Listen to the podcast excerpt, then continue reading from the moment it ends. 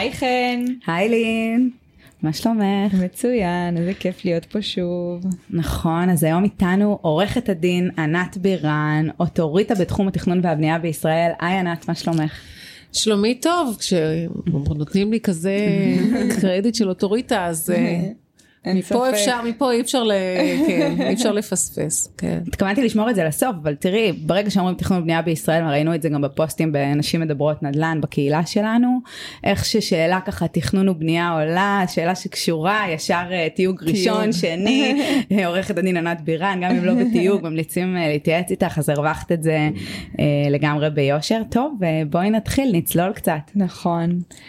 וואו, אני חושבת שאנחנו בתקופה אה, מאוד מעניינת אה, בהרבה היבטים, בטח אחרי השנתיים האחרונות ש, אה, שכולנו עוברים פה בישראל ובכלל ברמה העולמית, ואני חושבת שאנחנו אה, מכירים שענף הנדל"ן אה, אה, הוכר כחיוני בשנתיים האחרונות ופחות נפגע, ואני חושבת שאולי מעניין לשאול אותך דווקא על, על מגמות ושינויים שאת כן רואה את זה, איך באמת התקופה הזאת השפיעה, אם זה ב, בתכנון, אנחנו קצת יכולים, של דירות קטנות יותר, חלל חללי עבודה, זאת אומרת המון המון, אה, אנחנו יכולים לקרוא לזה טרנדים, או בכלל מגמות ש, שדיברנו עליהם לפני, ואיך באמת התקופה הזאת משפיעה, ואיך את רואה את זה בפועל באמת משפיע על, ה, על התחום הזה של תכנון ובנייה.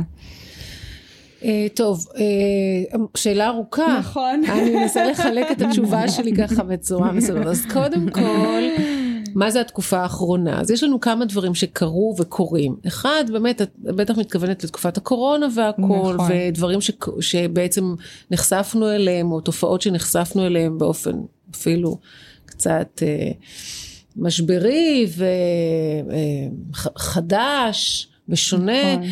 אה, זה פעם אחת, אבל יש עוד דברים שקורים, כמו הגידול העצום נכון, באוכלוסייה, והצפי נכון. להכפלה של האוכלוסייה, נכון. באמת, ב-20 שנה נכון. הקרובות, מה שמחייב באמת לחשוב מחדש על הרבה מאוד דברים, ולבצע, לא רק לחשוב, לבצע הרבה מאוד שינויים בכל המדינה, בכל רחבי המדינה, ומה שאנחנו בעצם רואים זה את הדברים הבאים. קודם כל, אה, הכרה בכך שחייבים לייצר התחדשות עירונית כמעט בכל מקום. ומה זה אומר? אם בנו את מדינת ישראל בתחילת שנות ה-40 וה-50 של המאה ה-20 עם צפי אוכלוסייה מסוים, היום אנחנו בעצם בתהליך של בנייה של המדינה שלנו מחדש, זה מאוד מרגש וזה בעצם יוצר הרבה מאוד עבודה והרבה מאוד עשייה והרבה מאוד יצירה. כי כמעט בכל מקום אנחנו צריכים להרוס ולבנות מחדש, מה שבאמת הכניס ללב העולם הנדל"ני, אני לא מדברת רק על התכנון והבנייה, זה ברור שהכל זה, אנחנו עוד נגיע לזה, מה זה בכלל, איך התכנון והבנייה והנדל"ן נפגשים. אה, היא מייצר בעצם המון המון פעילות ועבודה ותכנון. כי צריך הכל מחדש, אנחנו יושבים כאן בש, ב, ב, בשכונת מונטיפיורי ואפשר גם לראות איך האזור הזה הולך לשנות נכון. את פניו לחלוטין עם גשר יהודית בשדרות יהודית נכון. ועם שינויים של תוכניות בניין עיר שעומדות באמת, המוסכים יצאו וייכנסו מגורים, מגורים ואולי יהיו פה שכונות, בכלל עולם אחר. נכון. אז, אה, אז קודם כל באמת זה דבר שקורה וחייב לקרות וחייב לקרות הרבה יותר מהר. ממה שהוא בעצם קורה, קורה כי אנחנו מדברים על זה המון. נכון. הקצב הדיבור וכמות המילים שנשפכת בכנסים, בהרצאות, בכתבות וכולי, היא גדולה יותר מכמות התוכניות שמתעשרות ועוד יותר גדולה מכמות התוכניות שמתבצעות. מתבצעות. אז לכן אני אומרת, הדברים האלה חייבים לעוף קדימה וזה יקרה. אין ברירה, זה יקרה. אז זה דבר אחד שאנחנו רואים. הדבר השני שאנחנו רואים, וזה באמת גם כתוצאה מהקורונה וגם כתוצאה מהמון תהליכים אה, חברתיים, חברתיים, כמו אה, אה, צורה אחרת של חיי משפחה, אה, אנשים שלא ממהרים להתחתן, או חיים ש... אנשים שחיים בנפרד, אריכות החיים שיוצרת אנשים שרוצים להמשיך ולחיות אה, גם בגיל 70 ו-80 ו-90, אנשים עצמאים לגמרי שלא בהכרח, חלקם רוצים להגיע לבתי דיור מוגן וחלקם לא, והם צריכים פתרונות מגורים שמתאימים להם כי לא מתאים כבר הבית הגדול שהם גידלו את הילדים וכולי. אז באמת היום מייצרים הרבה מאוד אה, פתרונות חדשים כמו דירות קטנות, מיקרו נכון. דירות ומצד שני דירות עם מרפסת כי אומרים רגע הייתה קורונה ואנשים רצו מרפסת ושטחים משותפים מצד אחד חיי קהילה, חיי קהילה ומצד שני גם קצת פרטיות כי בכל זאת הנה מה קורה אם יש קורונה. אה, יש פה איזה מתח בין כל ה... אה, שלל התובנות שיש לנו בשנים האחרונות וזה באמת מרתק. ואני אמנם עורכת דין אבל עולם התכנון והבנייה ואם אני רגע לוקחת את זה חזרה למה שאני עושה הוא מרתק משום שהוא בעצם עולם אינטרדיסציפלינרי. מה אנחנו כעורכי דין עושים בעולם התכנון והבנייה? הרי תכנון ובנייה זה קודם כל תכנון זה אדריכלים זה מתכננים זה יועצי תנועה ויועצי קונסטרוקציה לצורך הבנייה ויועצי נגישות ומיליון ואחד יועצים היום גם דרך אגב יועצים חברתיים שזה עוד פעם, עוד פן אחד. ואנחנו עורכי הדין, שמי שעוסק בתחום הזה, הוא, יש לו המון עבודה והמון הנאה מה, מהמפגש הזה עם, עם בעלי מקצוע אחרים, כי אתה באמת מייצר עולם חדש, כשתפקידנו הוא מצד אחד לנסח את הדברים האלה, לתת את הפן המקצועי, יש לנו רגול, כל דבר זה רגולציה, כל דבר זה זכויות וחובות כן. ו- וכסף ומיסים ופיצויים והיבטים של עביר, משפט פלילי אפילו, של עבירות על, על החוק נכון. וכולי, לכל הדברים האלה יש מקום משפטי מאוד חשוב ועבודה ביחד עם היצירה מצד אחד, עם היזמות שהיא עניין כלכלי, מסחרי, מצד שני, עם הציבור שבעצם כשאת מדברת על התחדשות עירונית אז את גם עובדת עם בעלי דירות נכון. שהפכו להיות בעלי נדל"ן ובעצם שכנים שכל ה... כל ה... כל ה... אה, ההשקה ביניהם הייתה לשלם ועד בית, פתאום צריכים לייצר עסקאות משותפות, שזה דבר תחשבו, זה, זה, זה, להיות שותפים זה לכל מופרך. דבר. איך מצפים בכלל מאנשים להיות פתאום ליזום פרויקט, נדל"ן, כלכלי, תכנוני, ארכיטקטוני, זה מטורף. להסכים, פשוט להסכים. ולהסכים, ולרצות את אותו דבר, ולקבל החלטות, זה דבר שבחברות לוקח שנים להטמיע. אז יש פה באמת רבדים מרתקים. אה, זהו, ואני חושבת שזה תחום שעוד באמת זכינו במדינת ישראל, שאנחנו בתקופה שיש בה המון עשייה, מאוד מרתקת. זה זה שונה ממדינות אחרות לפי מה שאני מבינה, כי הגידול באוכלוסייה אצלנו הוא דרמטי. מה שבמקומות אחרים פחות קורה, ולכן יש פה, יש הרבה מה לעשות והרבה במה לגעת. אמרת הרבה פעמים שעשייה, ואני מתחברת לזה מאוד אה, במרכזי ערים, כמו נגיד בתל אביב, שלך היא מאוד מרתקת, ורואים באמת את הצורך בהתחדשות, אבל הרבה אנשים כמוני וכמו חברים שלי משקפים את זה שאנחנו גרים בתוך פתאום בלב ערים בתוך אתרי בנייה נכון גדולים. אנחנו מסתכלים על לב תל אביב היום מצד אחד אה, הרכבת הקלה ומצד שני פרויקטים חדשים ואז אם אתה כבר עובר לשכונה אחרת ששני הדברים האלה לא קורים בה אז באמת אה, כל שני וחמישי מתחיל פרויקט תמ"א חדש שסוף נכון. סוף הגיע אחרי חמש או עשר נכון. שנים לכדי השלב הביצוע במקרה הטוב כן אני באופטימי היום אה, אז באמת כמו שאמרת זה מתח מאוד מאוד גדול מהצורך העז אני סופר הסכמתי עם המשפט הזה שלפעמים אתה רוצה לקחת שכונה ישנה ורק לראות ולחלום שזה הכיף במקצוע שלך לראות uh, בעתיד איך היא תיראה כמו שכונת מנטיפיורי שיש לה תוכניות מדהימות לבין באמת מה קורה ואיך חיים עדיין בתוך הסיטואציה הזו דיירים קיימים ויש פה איזשהו מתח שהוא צודקת, מאוד מורכב. את צודקת ואני יכולה להגיד לך שכעורכת דין הרי אני לא באה עם אג'נדה, אני לא יזם ואני לא ראש עיר ואני לא בעצם באה לשקף איזשהו אה, קו מסוים, לפעמים יש לי דעות, זאת אומרת לפעמים אני באמת מייצגת את דעותיי האישיות בדברים מסוימים, במאבקים שאני מתחברת אליהם, ויש הרבה כאלה, אבל כעבודה שוטפת, עורך דין מייצג את עמדת לקוחותיו, ואני רואה באמת קושי מאוד גדול במתח הזה שבין הרצון לפתח לבין הסבל היומיומי של התושבים והנזק הכלכלי וה... בריאותי וה, וה, והפיזי שנגרם לאנשים שצריכים לסבול את כל הדבר הזה וזה הולך לקרות, זה כנראה הולך להימשך עוד הרבה שנים. אה, וזה לא כל כך פתור, יש אה, מין אה, ביטוי שקוראים לו נימבי, Not in my backyard, שבעצם בא ואומר כל אחד רוצה שתהיה לו רכבת אבל רק לא לידו, שלא יעבדו לידו, כל אחד רוצה שיהיה לו גן ילדים, לשים את הילדים קרוב אבל שזה יהיה בבית השכן ולא אצלו בקומת הקרקע, וכך הלאה וכך הלאה. אני, הביטוי הזה נימבי הוא ביטוי אה, שהוא כאילו מושמץ, זאת אומרת יש בזה היבט של כן. השמצה, אבל אני חושבת שזה לא לגמרי פסול לטעון, רבותיי, זה מפריע לי, כלומר אי אפשר לזלזל. באיכות החיים נכון. של אנשים, והיום אה, אני מייצגת בהרבה מאוד, אה, הרבה מאוד השגות, הרבה מאוד קבוצות של תושבים וגם בעלי קרקע. אה, נגד התכנון של קווי המטרו, שזו Mm. תוכנית שעוד אנחנו, אנחנו עוד לא רואים, מה שאנחנו רואים היום חפירות נכון. ועבודות זה הרכבת הקלה ונתיבי תחבורה ציבורית ודברים מהסוג הזה, עוד לא הגענו. למה שהולך להיות אם וכאשר יאשרו את תוכנית המטרו, שהיא תוכנית מאוד מאוד קשוחה מבחינת ההשפעה שלה על החיים, זה לא רק בתל אביב, כיוון שזה זה בעצם משתרע על מטרופולין דן וסביבותיו, כלומר מנס ציונה ו- ובאר יעקב ופתח תקווה ועד כפר סבא, שזה אמור בעצם לחבר את הערים האלה לתוך לעיר ב- ו- ולחסוך את הפקק שאני נסעתי היום מהוד השרון שעה וחצי. נורא. שרק אה, הולך כן, ומחמיר, שהולך ומחמיר. נכון. אז, אז, אבל מצד שני, יש הרבה מאוד אנשים שהם אלה שישלמו את המחיר, גם בשנים של ה... אה, גם בשנים שלפני הביצוע, כיוון שיכול להיות שאנשים יחששו אפילו לקנות את לרכוש, הדירות שלהם, כן, כיוון שהם יגידו מה במחירים." עוד מעט הולכים פה לחפור, לעשות, נכון. לחסום, לא רוצים, נחכה, נלך לשורה שנייה. אה, ואחר כך העבודות עצמן. שזה, יש להניח מהניסיון שאנחנו רואים מה קורה בתל אביב או בפתח. תקווה, אז לוקח זמן. ובסוף, בסוף, בסוף ההתאוששות, יכול להיות, נכון, כן, זה לוקחת עניין. של כמה שנים טובות, שזה הולך להיות מאוד קשה. ויש הרבה טענות בנושא הזה, ואני חושבת שצריך להתייחס אליהן ברצינות. אז זה מצד אחד הקושי, אני מסכימה איתך. אז אלה בתל אביב ואלה שכל הזמן בונים לידם סובלים.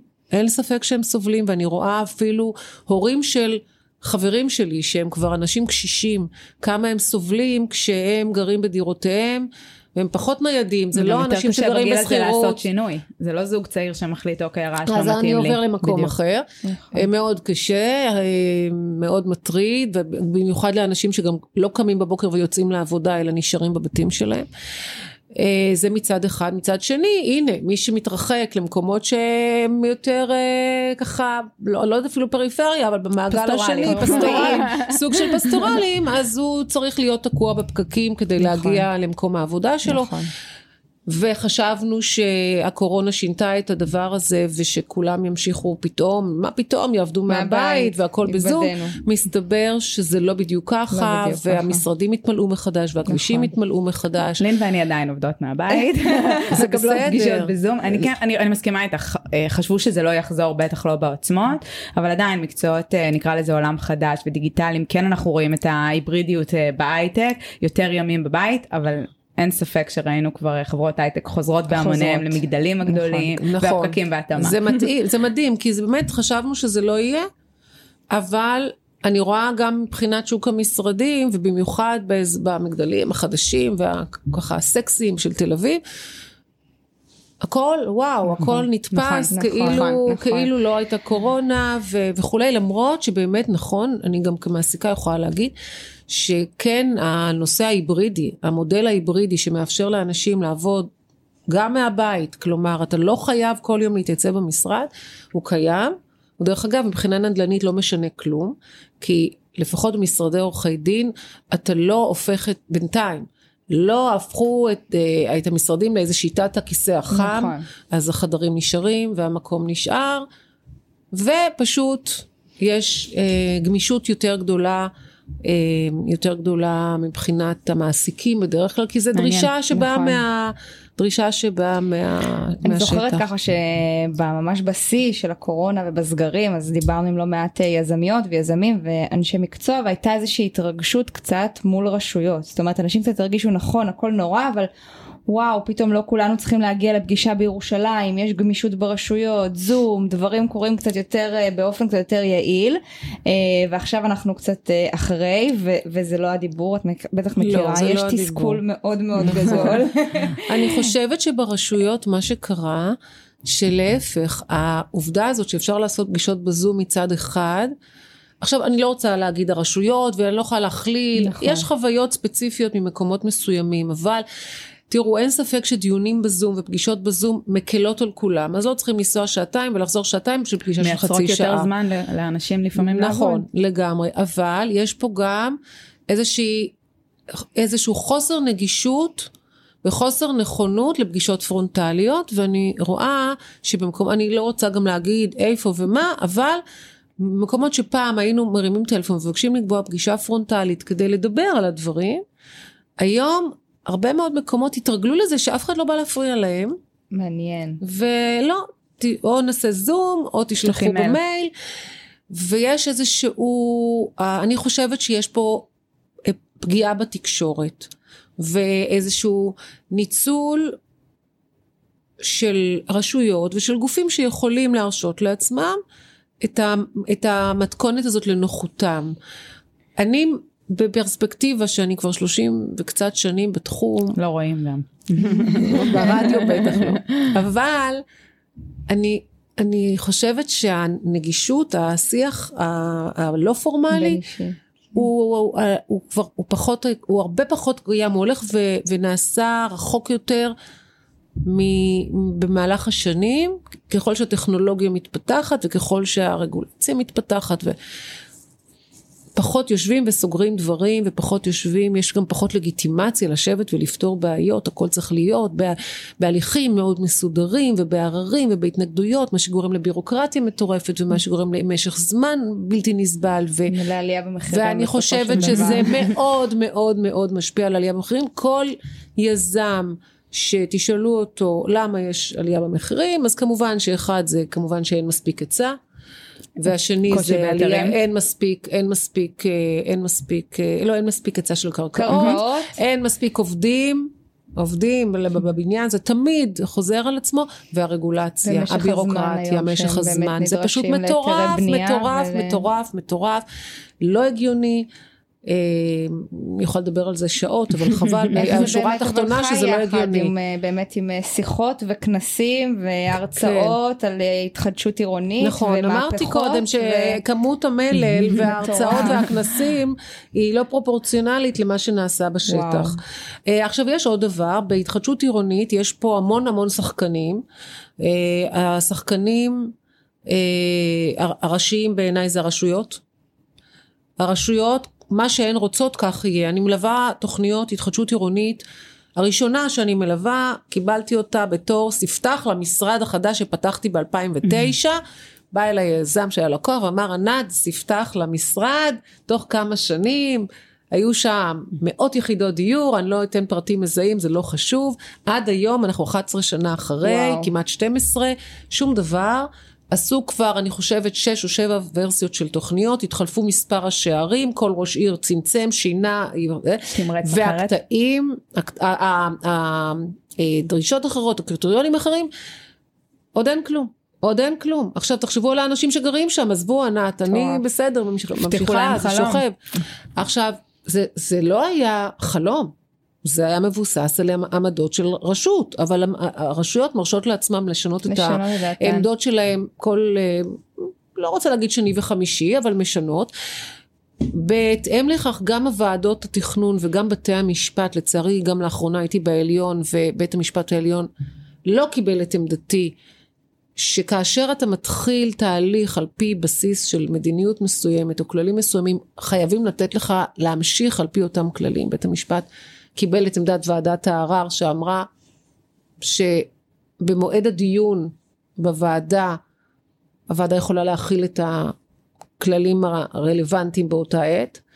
זה היה לגבי נושא ספציפי, אבל אני, אנחנו רואים את זה לאורך כל הדרך, כמעט בכל תחום, כך שאתה לעולם לא יודע כן, יש לאן, פה הסתמכות מאוד גדולה. איזה, יש פה איזה סיטואציה של, שזה כמו סולמות וחבלים, אתה מתקדם מתקדם וזורקים אותך להתחלה. ויש פה, אז זה אחד, זה תפקיד מאוד משמעותי. הדבר השני זה גם בעלי הדירות. ואני רואה את זה כי אנחנו מייצגים במשרד, במהלך השנים זה נכנס יותר ויותר לעבודה שלנו. אה, הרבה מאוד בעלי דירות שמגיעים אלינו ואנחנו מארגנים אותם ואחר כך פעם זה היה בניין בניין היום הרשויות כבר מתחמים. רוצות לראות אותך במתחמים אז העסק נעשה הרבה יותר ארוך וסבוך וכולי. גם בעלי דירות לא מצליחים להכיל את העובדה שההבטחות שהיזם נותן להם בתחילת הדרך על סמך אותה מדיניות משתנות, שהוא הלך ובדק משתנות ובדרך כלל משתנות לרעתם מן הסתם וזה יוצר חוסר אמון מטורף והתפוררות של הקבוצה אה, וחוסר אמון וגם במערכת גם בוועדות פחד להתקדם, והדברים נתקעים. אה, וגם קנאה. וגם לפעמים עיניים גדולות, כן, וגם חוסר פרגון, וגם אם הוא מקבל אז אנחנו לא, נקב, לא רוצים שום דבר, כי למה הם מקבלים ואני לא. ולכן גם הנושא החברתי והנושא הפסיכולוגי, סוציולוגי, הוא גם מאוד משמעותי בפרויקטים האלה. אה, אז כך שאתגרים גדולים לפנינו כי טבע האדם לא משתנה ומן הסתם הרשויות לא משתנות. דרך אגב אני חושבת שאחד הדברים שיכולים לשנות זה שינוי טוטאלי של שיטת המיסים כאשר הרשויות יקבלו בחזרה מהמדינה חלק מהמיסים שהן גובות על נדל"ן כמו מע"מ, כמו מס רכישה, לא חשוב איזה מס והם ירוויחו משהו מזה שבונים. לא רק ירגישו ויגידו מה על כל דירה שבונים אצלנו אנחנו מפסידים 2,000 שקל, 4,000 שקל לחודש, לשנה, לא יודעת. מה, ארנונה היא גירעונית.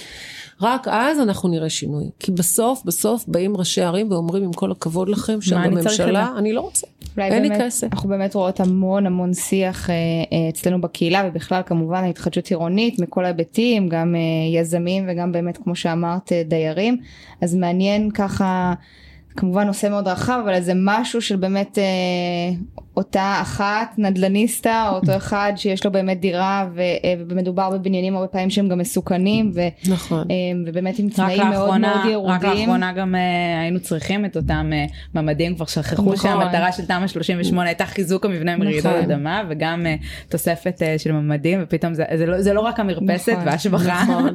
על אף שזה ערך חשוב. אז האם יש משהו באמת בתהליך המקולקל הזה שאנחנו רואים ושיש בו באמת כל כך הרבה כאבים האם יש איזושהי דרך להתנהלות שונה את חושבת מצד דווקא הדיירים שיש איזשהו משהו שניתן לעשות ש, שכל התהליך הזה יתנהל בצורה תראו, טובה יותר? תראו זה דבר שהוא באמת זה ממש תורת המשחקים זה משהו מאוד מאוד uh, מורכב כי אתה לוקח קבוצה של אנשים ואתה צריך להגיד להם תשמעו חבר'ה כולכם, כולכם צריכים להתפשר נקודה אתם מוכנים להתפשר? אם אתם מוכנים להתפשר תהיה פה יהיה פה פרויקט ולהתפשר מראש, אנחנו עוד לא יודעים מה אנחנו מבטיחים לכם. בדיוק היום קראתי בגלובס על איזה תביעה שהגישו בעלי דירות באיזה פרויקט נגד היזם ונגד עורכת הדין שייצגה אותם על זה שהם קיבלו בסופו של דבר דירות יותר קטנות, או מרפסות יותר קטנות ממה שהבטיחו להם. לא משנה שבהסכם הייתה גמישות, אבל הם לא היו מודעים לזה וכולי וכולי. ו...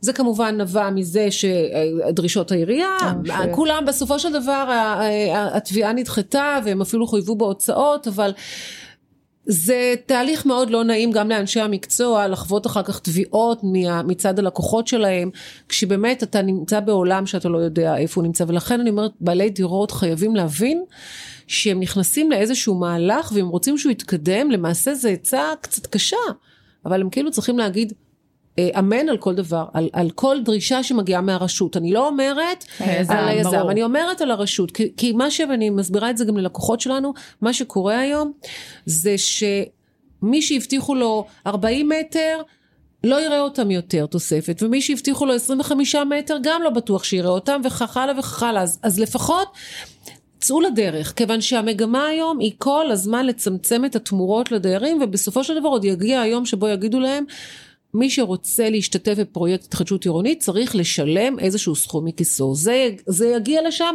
דרך אגב, ראש עיריית תל אביב אמר את זה כבר לפני הרבה שנים, כעסו עליו מאוד. אני גם חושבת שזה באמת לא הגיוני. אבל בסופו של דבר, בסוף, הנה, היו אצלי קרובי משפחה מארצות הברית, וסיפרתי להם קצת על מה שקורה, כי גם העיר חפורה, וזה חבר'ה צעירים אמרו, אוקיי, וכמה עולה כמה עולה לקבל פרויקט כזה של כן. דירה חדשה? ואז אמרתי להם, זה לא עולה. זה לא עולה. יכול להיות שהדבר הזה בסוף ילך ויצטמצם עד שיגיע לזה שזה קצת כן יעלה, ולכן אני אומרת ללקוחותיי, והם לא מאמינים לי. אני לא מצליחה לשכנע אותם. לפודקאסט שלנו. תזוזו קדימה. עכשיו, יש דבר אחד שהוא מאוד מאוד בעייתי ואני חייבת להציף אותו פה, וזה חשוב לי כן אם אנשים קונים דירות. להשקעה נכון. שישמעו. שאלה הבאה שלי. שכשאתה קונה דירה, אתה חייב לבדוק היום, דווקא בבניינים הישנים, שהם, אה, אתה אומר, יש פוטנציאל. לבדוק שהיא מופיעה גם בהיתר הבנייה. יש פער מאוד מאוד גדול בין מה שאתה רואה בטאבו, וזה מה שאנשים יודעים לבדוק, הדירה רשומה בטאבו, איזה יופי, קניתי דירה, הכל טוב, אין משכנתה, יש משכנתה, לא חשוב, קונים, הכל טוב, קיבלתי את הדירה, רק מה, היא לא מופיעה בהיתר הבנייה. אה, משום שהוסיפו אותה. באיזשהו שלב, או שהיה קבלן, או שהיה מקובל.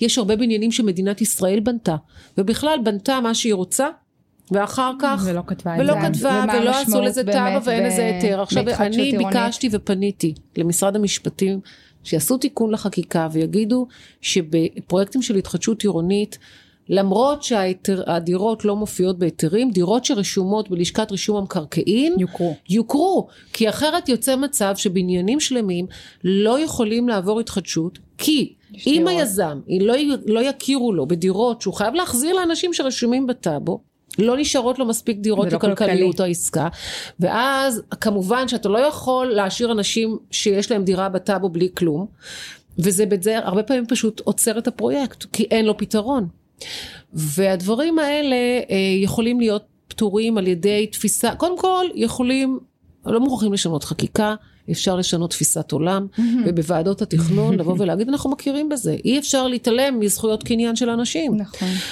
זה פעם אחת. פעם שנייה באמת לא יזיק ואולי היום יש ממשלה עם שרים חדשים ומנכ"לים חדשים ואולי תהיה תפיסה אחרת. את הדבר הזה לדעתי חובה לתקן כי מדינת ישראל היא אחראית גם על הטאבו בדיוק כמו שהיא אחראית על התכנון נכון. ואם לשכת רישום המקרקעין במדינת ישראל רשמה דירות בבקשה שתהיה אחראית כלפי האנשים שקנו את הדירות על סמך הרישום הזה ומעבר לזה עד שזה יקרה מי שהולך לקנות דירה בבקשה לבדוק גם את היתר הבנייה. ולדעת, ולדעת שאם לא רשומה הדירה בהיתר, אני לא אומרת לא תקנה. אז ככה עוד שאלה בחשבון, לגבי כן. באמת אה, אה, רכישת דירה אה, כן. שצפויה בהתחדשות, אה, התחדשות, גם אם זה להשקעה וגם אם זה למגורים, שיש הרבה פעמים גם אם הולכים ובאמת הדירה רשומה והכל נראה בסדר, אין באמת דרך לדעת מתי תהיה התחדשות עירונית. נכון, שאלה שזה... מאוד נפוצה בקהילה. נכון, נכון, אני חושבת שהרבה פעמים, אני חושבת שלי אישית יש אה, דירה להשקעה בכפר שלם בדרום תל אביב, גם פרויקט שתקוע המון המון זמן עם 100% חתימות, עם יזם, עם הכל, ובסופו של דבר אני חושבת שאני בזמנו הלכתי וקצת ניסיתי לברר, יש פה עניין של מדיניות של העירייה ושל רשויות על, על, על אזורים ספציפיים. זה נכון. איך אפשר לדעת את זה? לפי דעתי אי אפשר. לפי דעתי זאת נבואה. כי אני אומרת, את יכולה למצוא את עצמך, תראו, יש לנו פרויקט שאנחנו מייצגים את בעלי הדירות באזור בחולון.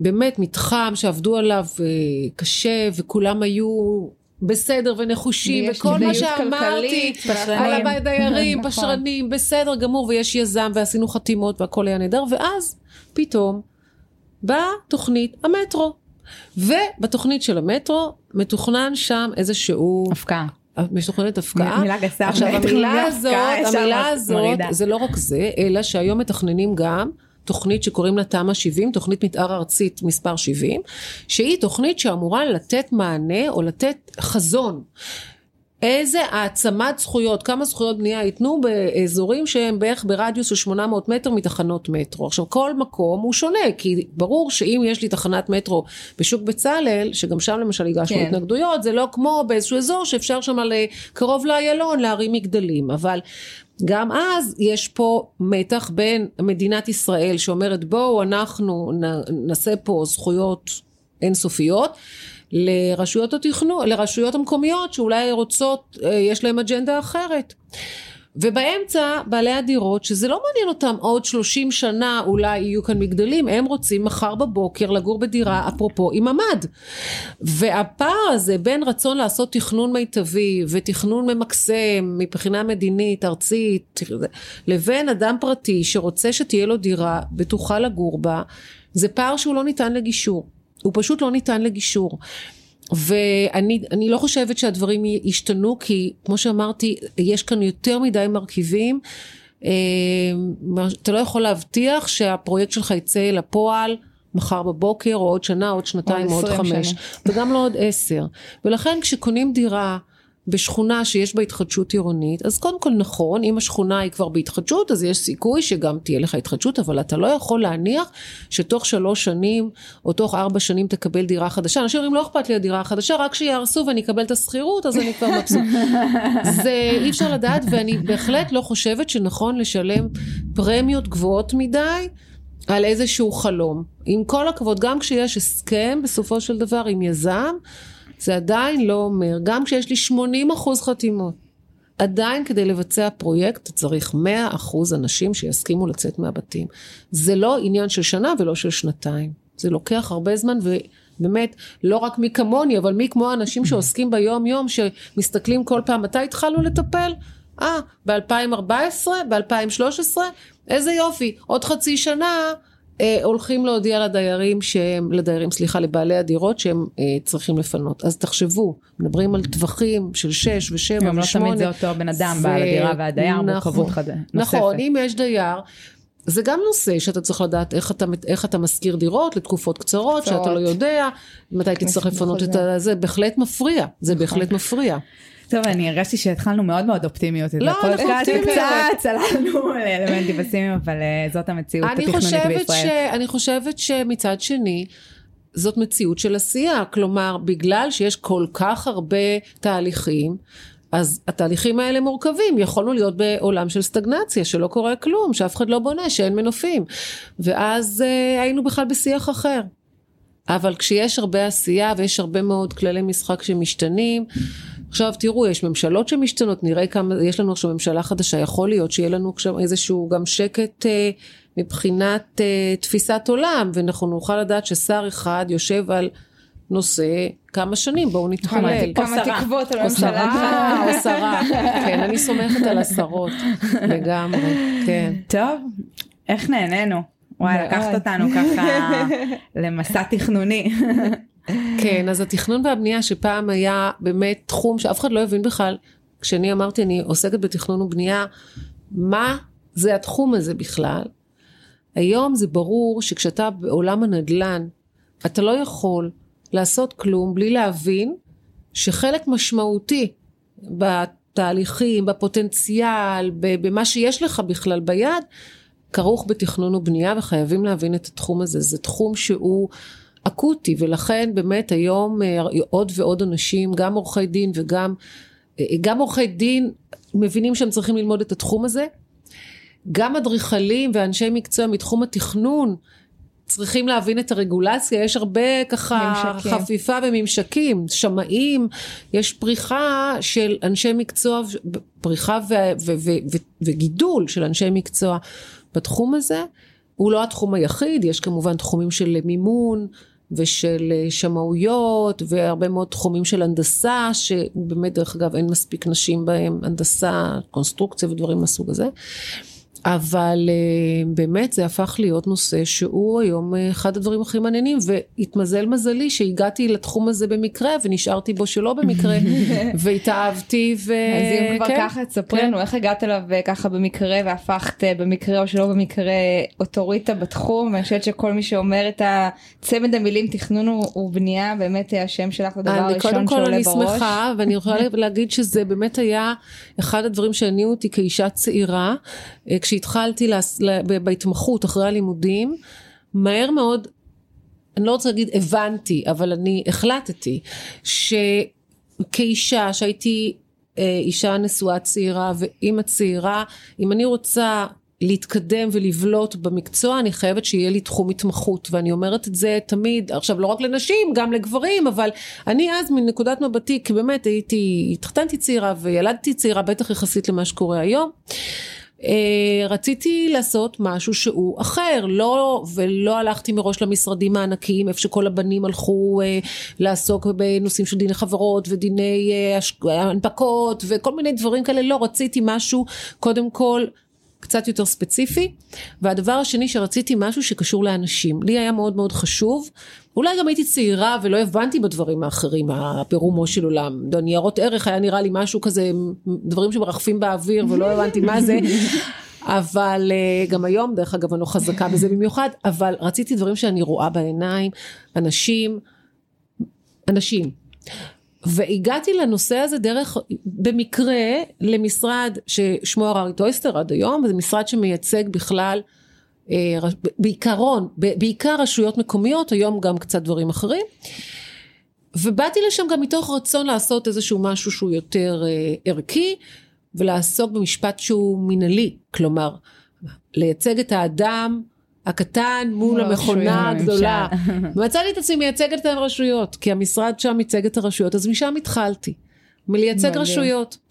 ואחרי כמה שנים, דווקא בגלל הצעה שהייתה לי לעזוב את המקצוע, החלטתי שאני מנסה, זו הייתה הצעה מחברת שטראוס, לעזוב את המקצוע וללכת לעסוק בתחום אחר לחלוטין, אמרתי וואו זו הצעה אולי, אולי זה יותר שווה ועזבתי.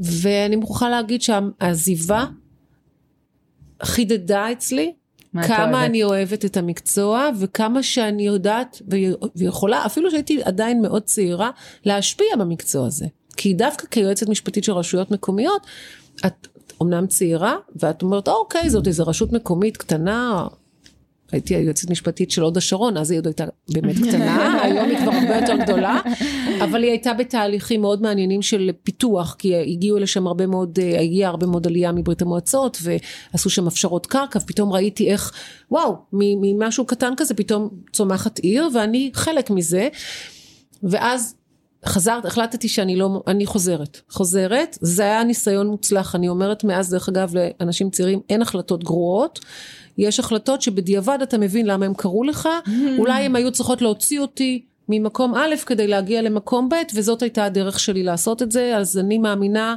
בכלל שכמעט אין דבר כזה שגיאות. אה, ופתחו, תיקנו את חוק התכנון והבנייה. באותה שנה ב-95 והקימו גוף חדש שקראו לו ועדות ערר לתכנון ובנייה ואני עזבתי והייתי פנויה ופתאום יש חוק חדש שאומר שיושב ראש הוועדה יהיה עורך דין בוותק של חמש שנים בתחום התכנון והבנייה ואני הייתי עורכת דין עם ותק של שבע שנים בתחום התכנון והבנייה ופנויה להובלה ועשיתי מהלך אה, מהלך שהיום אני אומרת יזמי. כלומר חיפשתי את האנשים לא היה אז טלפונים לא היה כאילו לא היה אה, אה, לסמס לא היה בכלל כזה דבר כל מי שהכרתי בשבע שנים ניסיתי להשיג המלצות וכולי וכולי ופניתי והצעתי את עצמי לתפקיד. ועל אף שהייתי מאוד צעירה אני חושבת שהם הייתי בת 32 וזה נחשב, בדיעבד אני גם מבינה כמה זה נחשב צעיר, אז כמובן חשבתי שאני כבר ממש כל כך ותיקה ומבוגרת וזה. אה, קיבלתי את התפקיד ושבע שנים בתחום של יושבת ראש ועדת ערר, שהוא תחום מעין שיפוטי שאת לא רבה עם אנשים כמו ביום יום שלך כעורכת דין, אלא את אמורה להחליט. להחליט. קודם כל, נותן פרספקטיבה מטורפת על החיים ועל על זה שיש צדק בכל כל אחד בא עם הצדק שלו וכל אחד בא עם הטיעון שלו ואיך אתה בעצם בסופו של דבר יודע לקבל החלטות וכמה הנושא הזה מעניין ומשפיע על החיים של כולנו גם בדברים מאוד מאוד קטנים כמו איך תהיה אם תהיה רמפה לנכה בכניסה לבית או לא ועד לפרויקטים מאוד מאוד גדולים ומשם אמרתי אוקיי ומעכשיו אחרי שבע שנים קודם כל האמנתי ששבע שנים בתפקיד זה, זה, זה מעל ומעבר והאדם צריך לקום כמו שתכף אני אקום מהכיסא הזה לקום מהכיסא ולהפסיק להתאהב בתפקיד ולהמשיך הלאה. והדבר השני שרציתי לדעת זה אם אני יודעת להפוך את הידע שלי שהבנתי כבר שהוא ידע, שהוא ידע משמעותי לעסק. כי לא הייתה לי לפני זה שום התנסות בלנהל עסק. כעצמאית. הצטרפתי כשותפה בכירה למשרד ואחרי כמה שנים עזבתי ופתחתי את המשרד שלי שזה אתגר אחר לנהל אנשים ולנהל לקוחות ולנהל עסקים. והתכנון ובנייה בינתיים גם הוא גדל ואני מלמדת הרבה והמשרד בהתאמה והנדל"ן בהתאמה ואני מאוד אוהבת ללמד כמו שאתם שמות לב, רק צריכה שייתנו לי איזה הזדמנות, ואני מלמדת בהרבה מקומות ובהרבה פקולטות, וגם במשפטים, בבין תחומי ובשמאים לימדתי הרבה. מאוד מאוד משתדלת ללמד, זה שומר אותי גם חדה וגם עם הדור הצעיר, וגם uh, צריכה להתמודד עם שאלות של אנשים שהם לא נעולים כבר באג'נדות uh, קודמות, וזה מאוד מאוד מרתק. זהו, וזהו, וכל החיים לפניי. נותר לנו רק להודות לך שפתחת איתנו ככה את היום. אני חושבת באמת אה, עם הרבה חומר למחשבה. אז תודה שהזמנתם אותי, ושהייתה לכם סבלנות. כן. אבל לא רק. אולי אני אהיה קצת יותר סבלנית למנופים ליד הבית היום. תודה רבה רבה ענת. תודה לכן, ובהצלחה. תודה.